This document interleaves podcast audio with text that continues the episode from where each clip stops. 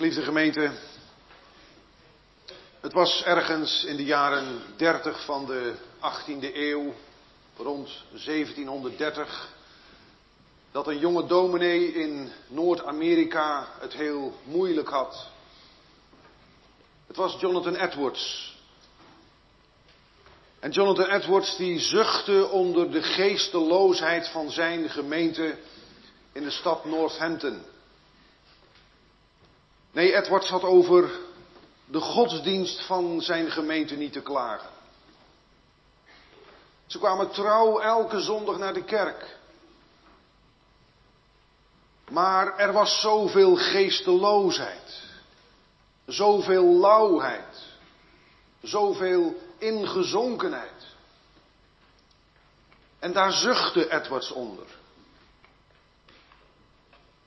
Maar in de jaren dertig van de 18e eeuw begon dat te veranderen.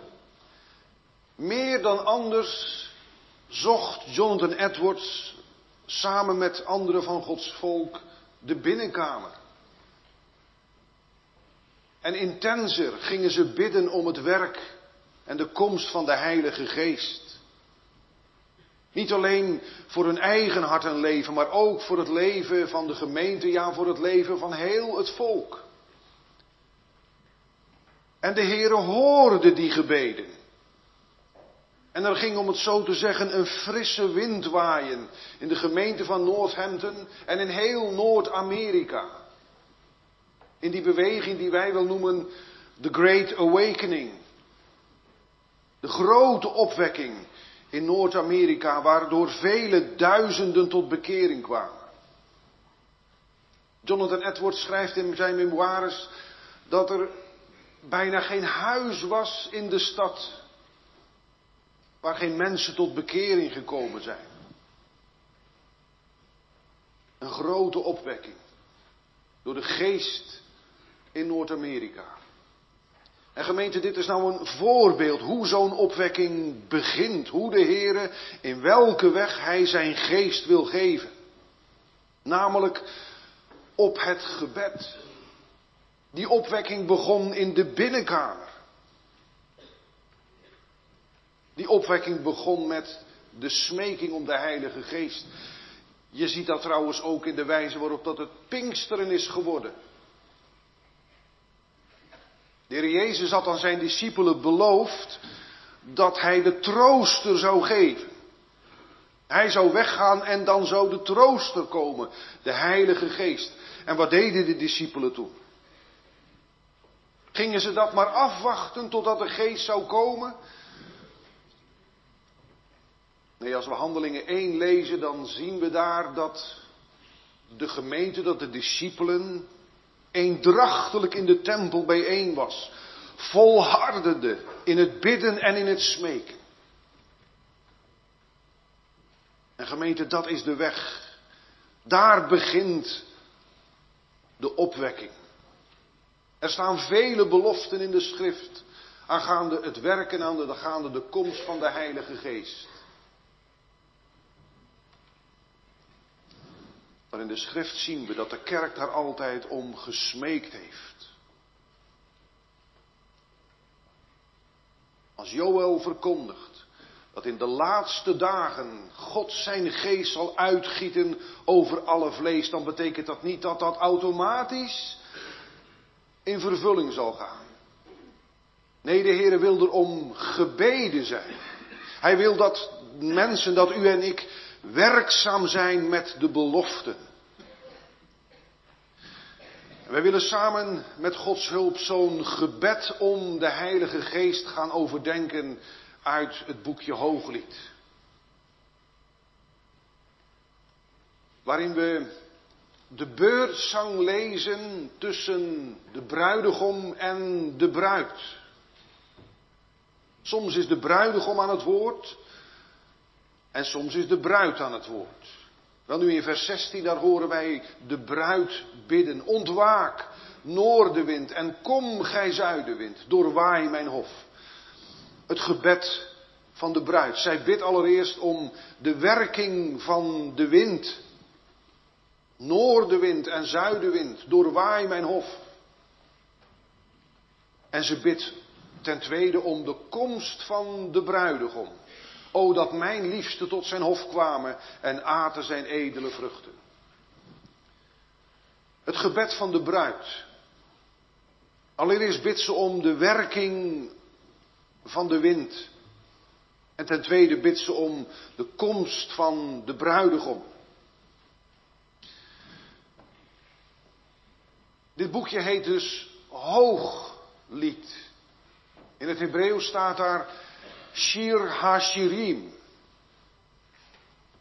Dat zoveel betekent als lied der liederen.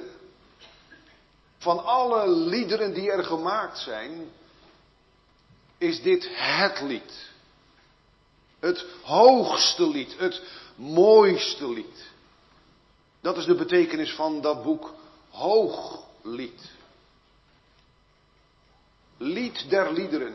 Zoals jongens en meisjes wij ook in de tabernakel en in de tempel er gesproken wordt over heilige der heiligen. Van de heilige plaatsen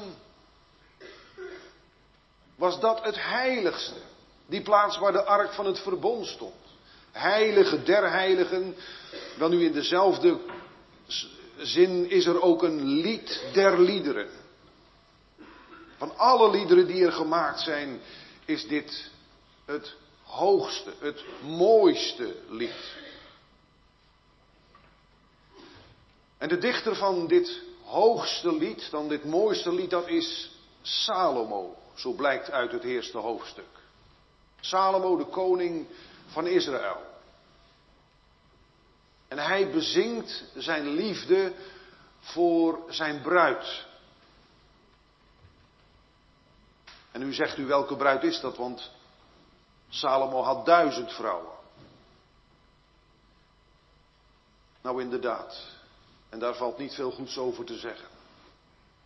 Al moeten we wel bedenken natuurlijk dat heel veel van die huwelijken puur alleen uit politieke overwegingen gesloten zijn. Hij heeft ze wellicht nooit gezien, vele van zijn bruiden. Dat ging in die tijd zo. Het is niet goed te keuren, zeker niet. Maar waar ik op wil wijzen, gemeente, is dat als wij dit hooglied lezen, dan krijgen we wel te verstaan dat deze bruid de liefde van zijn leven was.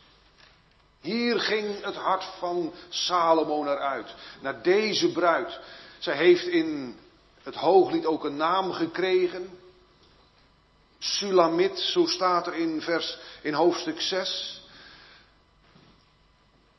Het kan ook vertaald worden als de Sulamitische, een verwijzing naar de plaats waar ze vandaan kwam, de plaats Sulam.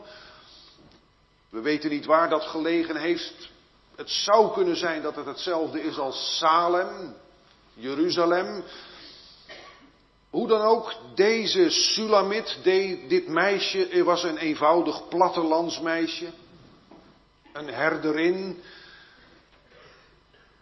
die vaak buiten was, beschenen wij door de zon, daardoor een bruin getinte huid had. En Salomo had haar lief gekregen.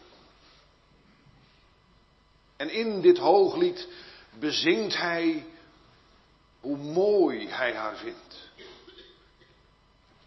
En dat doet hij best wel in intieme taal, vindt u niet? Als je het hooglied leest en de details op je laat inwerken en als je het Hebreeuws kent, dan zie je dat het nog veel verder gaat dan dat de Statenvertaling dat heeft vertaald. Hele intieme taal tussen man en tussen vrouw. En dan komt hij in dit hooglied tot een vergelijking. Hij vergelijkt zijn bruid Sulamit met een hof, met een tuin. En als je het leest, dan krijg je bijna een beschrijving van het, het paradijs. De prachtigste planten en bomen die groeien daar. De mooiste bloemen. De heerlijkste geuren stijgen uit die hof omhoog. Hij vergelijkt zijn bruid met een prachtig paradijselijke tuin. Met allerlei geuren en met allerlei kleuren. En dan moeten wij erop letten, gemeente, dat hij deze bruid in vers 12 een besloten hof noemt. Een afgesloten hof, waar een muur omheen staat. En hij wil daarmee zeggen, die bruid, die hof, die is alleen voor hem. Daar mag niet zomaar iedereen naartoe, daar mag niet zomaar iedereen zijn vruchten van plukken. Nee, het is een besloten, een afgesloten tuin, een besloten bron, een wel, een verzegelde fontein. Zij is alleen van hem.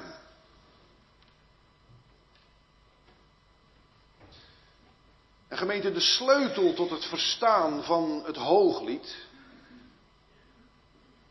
dat ligt in wat Paulus in Efeze 3 zegt. In Efeze 5 bedoel ik. Waar Paulus over het huwelijksleven spreekt.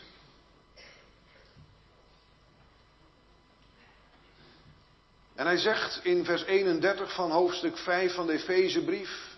Daarom zal een mens zijn vader en moeder verlaten en zal zijn vrouw aanhangen en zij twee zullen tot één vlees wezen.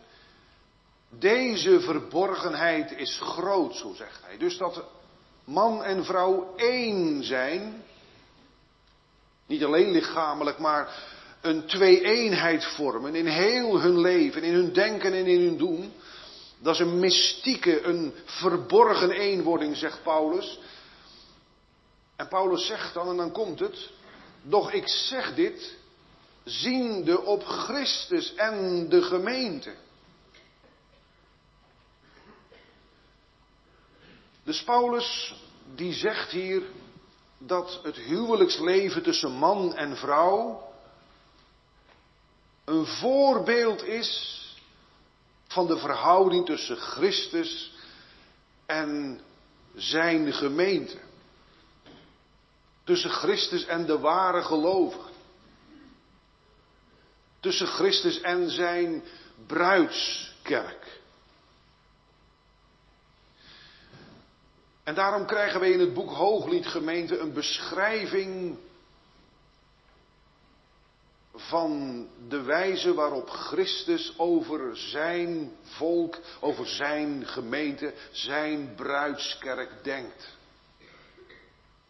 En de bruidskerk, alle ware gelovigen, herkennen zich in de wijze waarop Sulamit haar liefde en haar verlangen voor de bruidegom bezingt.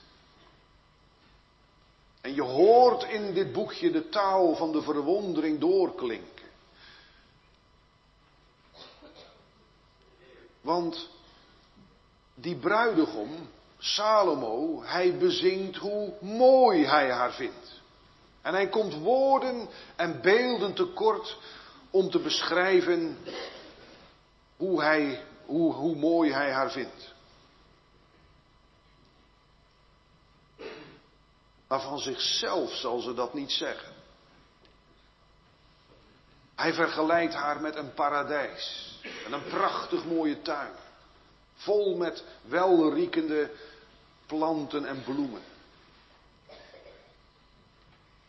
Maar zij gebruikt heel andere woorden voor zichzelf. Zij vergelijkt zichzelf met een woestenij in Hooglied. Ze spreekt van zichzelf als iemand die dorst heeft.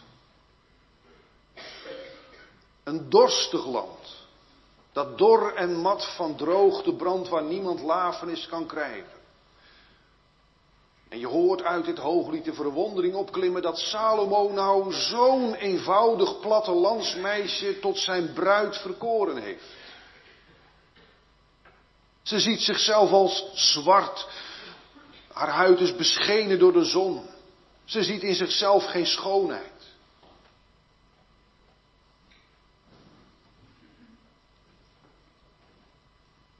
En dan moeten we gemeente zeggen, op grond ook van Gods woord. In de mens zelf is er geen schoonheid te vinden. De mens zelf kan niet vergeleken worden met een paradijselijke tuin. En uit ons hart komen niet die vruchten voort waar de Heere Christus van zou kunnen zingen. Ons hart is een woestenij, is een verderfelijke plaats. Waar geen vrucht meer uit te verwachten is tot in der eeuwigheid toe niet.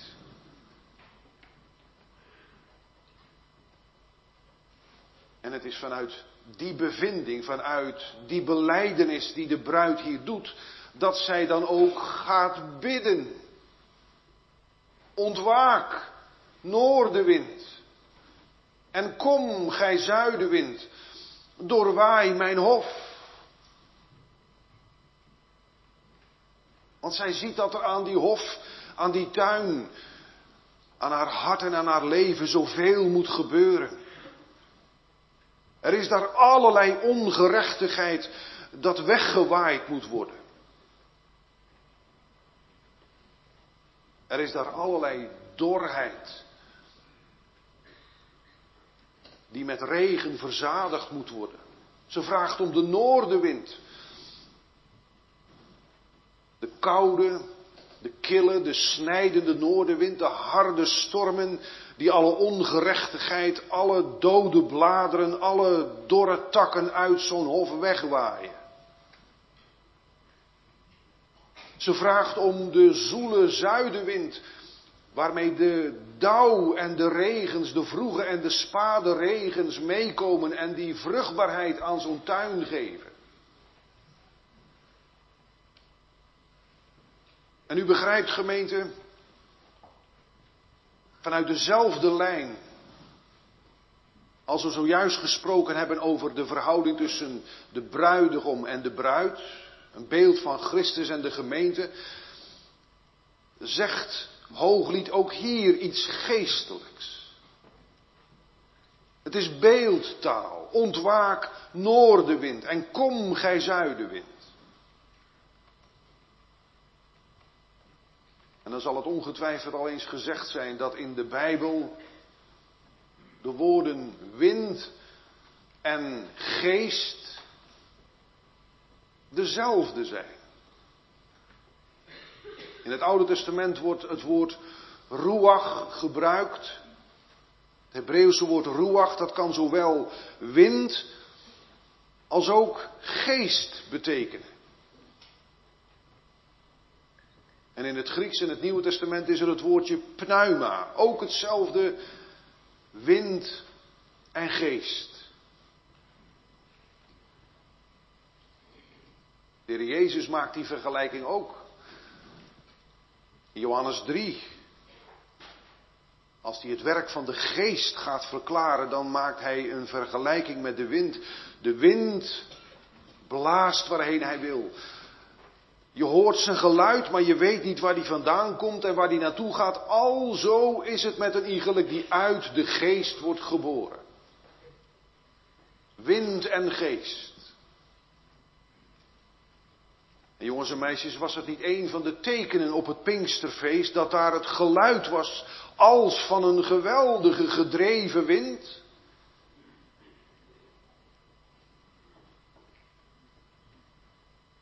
Dus hier vinden wij dus een oud-testamentisch gebed om het werk van de Heilige Geest. Allereerst dus die noordenwind. Dan kunnen we op grond van de Bijbel zeggen, gemeente, dat hier gebeden wordt om de geest van de uitbranding en van het oordeel. Dat de Heilige Geest in zijn ontdekkende werking alles zal wegblazen wat niet is naar Gods heilige wil. Alle aardsgezindheid, alle vleeselijkheid, alle zondigheid, alle verdorvenheid, alle lauwheid. Ontwaak, noordenwind.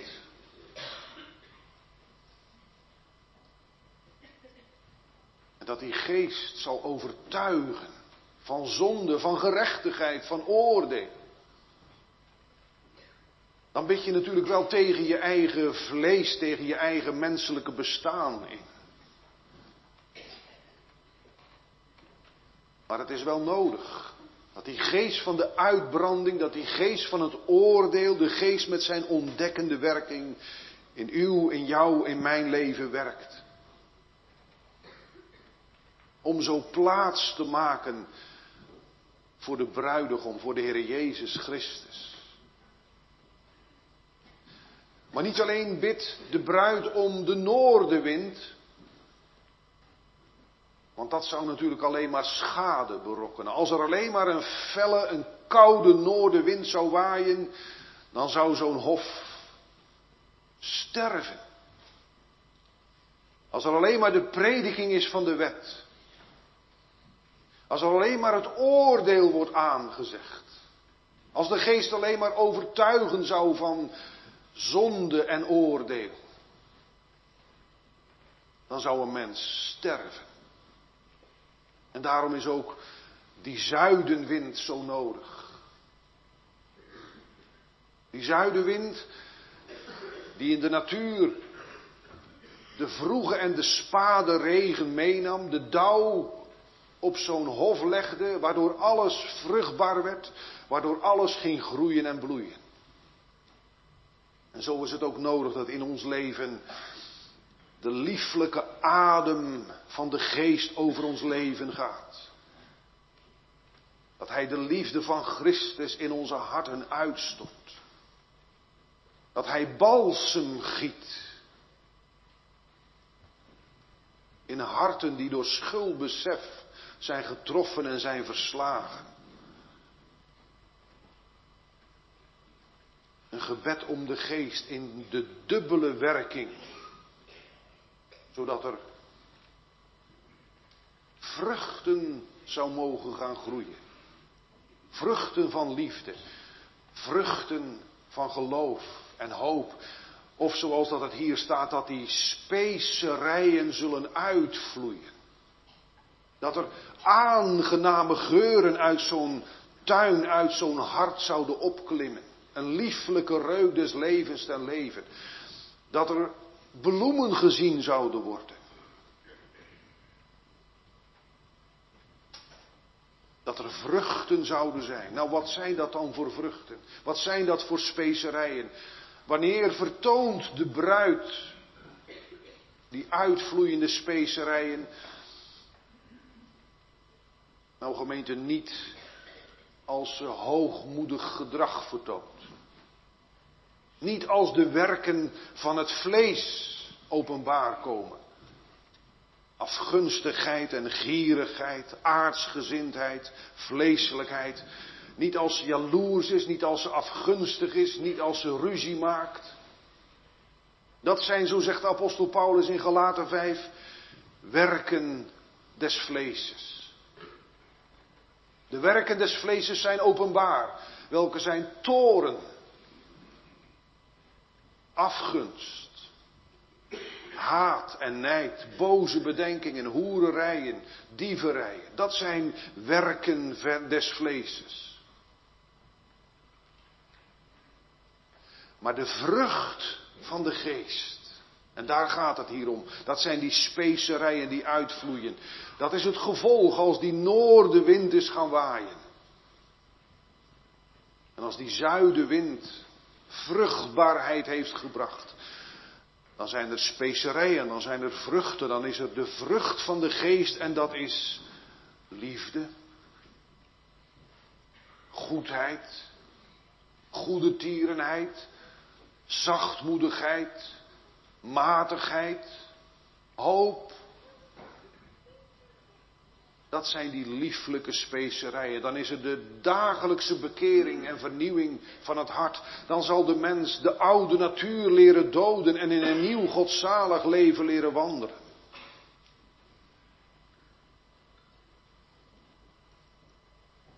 Gemeente, hoe staat het in de tuin van uw ziel?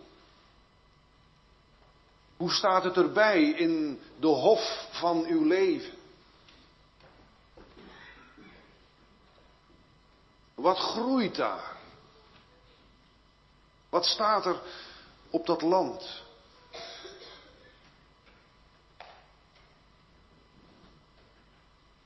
Zijn het alleen nog werken des vleeses? Leven wij alleen nog maar voor het hier en voor het nu? Zijn we zo aardsgezind? Leven we alsof dat we hier altijd zullen blijven? Leven we misschien wel gebonden aan de zonde? Misschien wel aan een boezemzonde, aan een heel specifieke zonde, een zonde die verborgen is voor mensen? Koesteren wij ons vlees? Voeden wij de boze lusten des vleeses?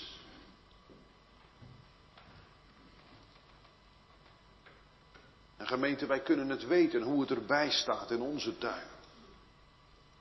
Als we ons leven naast het woord leggen en eerlijk met dat hart en met dat leven omgaan, dan weten we precies hoe het ervoor staat. Wat daar leeft en ook wat daar niet leeft. Of er echt geloof mag zijn. Of er die levende hoop is in ons hart. Of er de verbondenheid is aan het woord. Of er het verlangen is naar God. Mijn ziel dorst naar God, naar de levende God. Mijn ziel bezwijkt van sterk verlangen. Mijn hart roept uit tot God die leeft. Zijn dat gemeente klanken die wij herkennen?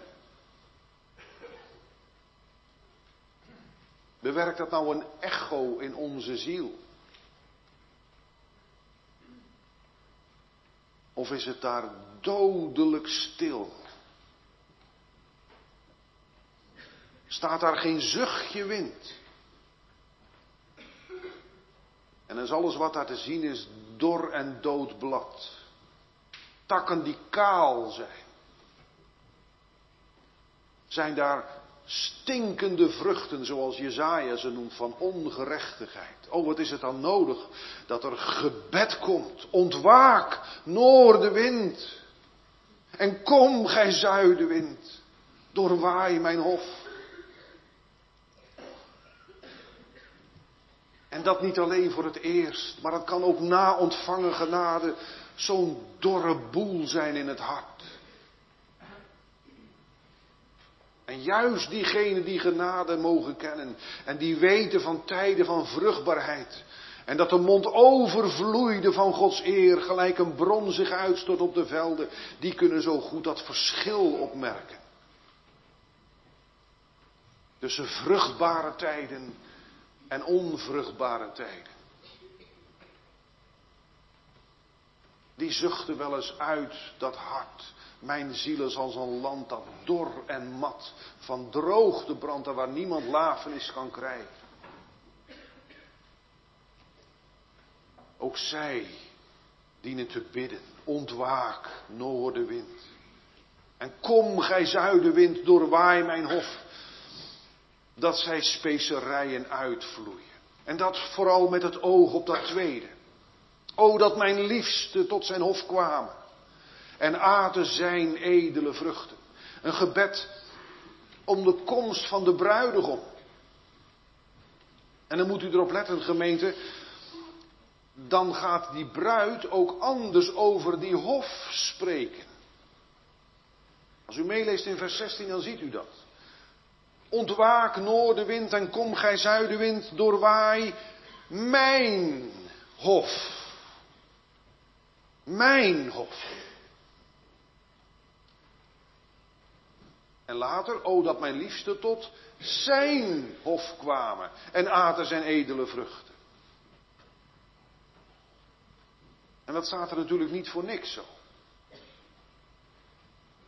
Als de bruid hier zegt, doorwaai mijn hof, dan denkt ze aan die vruchteloosheid. Dan denkt ze aan die dorheid. Dan denkt ze aan die dode takken en die dode bladeren. Dan denkt de kerk aan de geesteloosheid, aan de aardsgezindheid, aan de ongerechtigheid. En dat is, dat is van haar. Dat zijn die werken des vleeses. En daarom mijn hof. Daar ben ik verantwoordelijk voor. Maar als de geest van Christus is gaan waaien, als die noordenwind zijn werk heeft gedaan, als die zuidenwind vruchtbaarheid heeft gebracht. Als er liefde en geloof en hoop Als er droefheid naar God is, als er verlangen is naar God is, als er blijdschap is in God, dan zijn dat geen vruchten van de bruid. Maar dan is dat zijn vrucht. Uw vrucht worden uit mij gevonden. En dat erkent de bruid hier en daarom zegt ze het, o dat mijn liefste tot zijn hof kwamen en aten zijn edele vruchten. Dan gaat de bruidegom eten van zijn edele vruchten, van datgene wat hij zelf gewerkt heeft.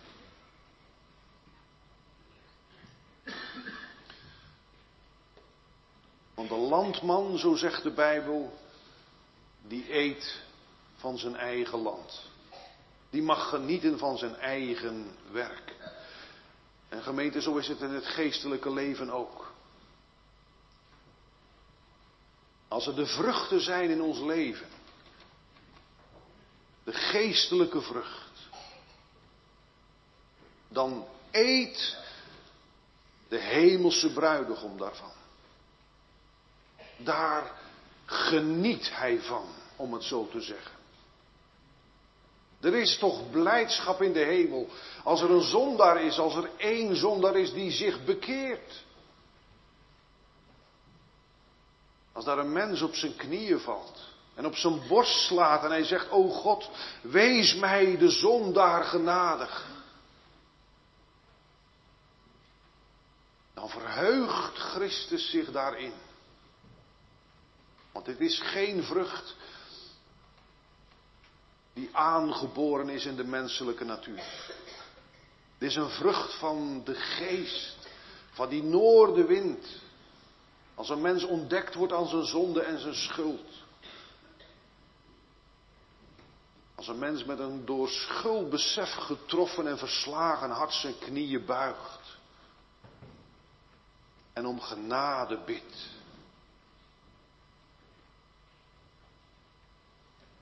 Daar geniet de bruidegom. Daar eet hij van de edele vruchten. Daar snuift hij die lieflijke geur in. Die uitgaat van de bruid. Als ze de liefde van Christus mag vertonen. Als er een getuigenis is van de hoop die in haar is. Als er een oprecht gebedsleven mag zijn. Als het woord gelezen, opgegeten mag worden. Dan verblijdt de Heere zich daarin.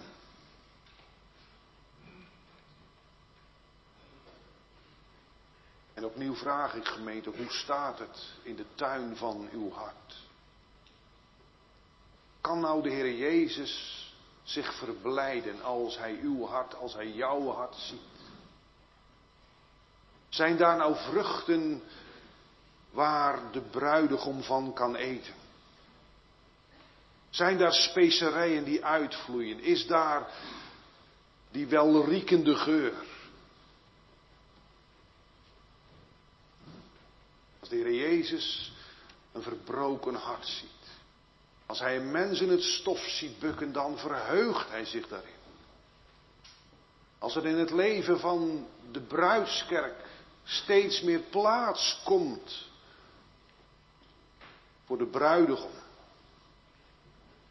Als er dat verlangen is, o dat mijn liefste tot zijn hof kwamen.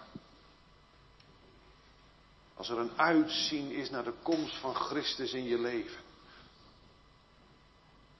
dan verheugt hij zich daarin. Hij verheugt zich in zijn eigen werk. Hij eet van de vruchten van zijn hof. En gemeente, daar gaat het toch om. Dat is toch wat er in ons leven gezien moet worden.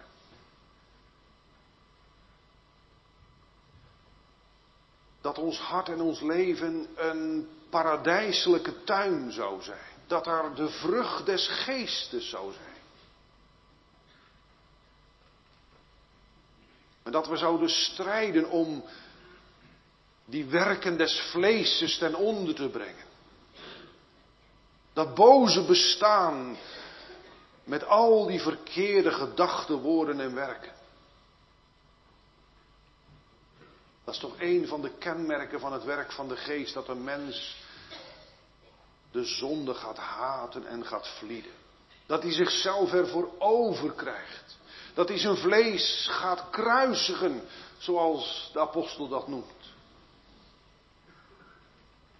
Of zoals de catechismus dat zegt, de afsterving van de oude mens.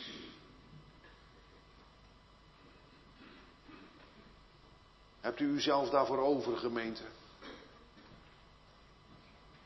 En kunt u dat gebed nou oprecht bidden? Ontwaak, noordenwind. Nogmaals, dan bid je wel tegen jezelf in. Als je bidt om die noordenwind, dat betekent dan dat er inderdaad de spijkers diep in dat vlees worden ingeslagen. Dan word je gekruisigd, het vlees met al zijn begeerlijkheden. Dan kom je onder het mes van de hemelse medicijnmeester.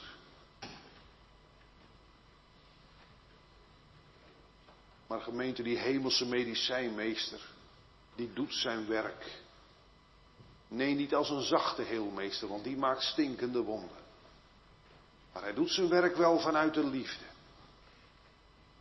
En het mes van de wet, dat is gedoopt in het bloed van de Heer Jezus Christus. En daarom zei die bekende prediker, Herman Friedrich Koolbrugge, medicijnmeester, snij maar diep. Want gij die mij uit genade schiep, sneed nooit te diep. Dan krijgen we onszelf ervoor over. In de wetenschap dat die noordenwind, dat de geest van de uitbranding, dat de geest van Christus nooit iets zal doen waar je echt wezenlijk door beschadigd wordt. Ja, het vlees wordt wel gekruisigd. En alle doodsheid en dorheid en alle zondigheid en ongerechtigheid, die moet wel verdwijnen. In beginsel. Maar het is met het oog op de vrucht. Het is met het oog op de edele vruchten en de specerijen die zullen uitvloeien. En als er nou liefde tot die bruidegom mag zijn, dan is je hele hart en heel je leven daarop gericht. Om zijn beeld te gaan vertonen. Om vruchten te vertonen waar hij zich in kan verheugen. Dat is in het natuurlijke leven toch ook zo? Een bruid die doet er toch alles aan op de dag van de bruiloft om zich mooi te vertonen. Die trekt toch de mooiste jurk aan die zij op die dag zich kan veroorloven. En dat doet ze toch met het oog op haar bruidegom. De Bijbel getuigt er ook van. Het is als een bruid die zich versiert voor haar bruidegom. Gericht op die bruidegom omdat ze hem zo lief heeft. Het zou toch geen best teken zijn als die bruid zou zeggen, nou, het is toch om het even hoe ik eruit zie. Het gaat toch niet om die kleren en het gaat er toch niet om hoe ik eruit zie of hoe ik ruik. Dat zou geen best teken zijn. Als een bruid zich niet zou versieren. Als een bruid niet gewassen zou zijn. Maar met het oog op haar liefste heeft ze de begeerte om er zo mooi mogelijk uit te zien. Is dat ook uw verlangen? Is dat jouw verlangen? Omdat je je hebt leren verwonderen over het feit dat deze hemelse bruidegom naar zo een heeft omgezien als u, als jij bent. Zwart van dienstbaarheid, gebogen onder het juk van de zonde, verloren in zonde en schuld.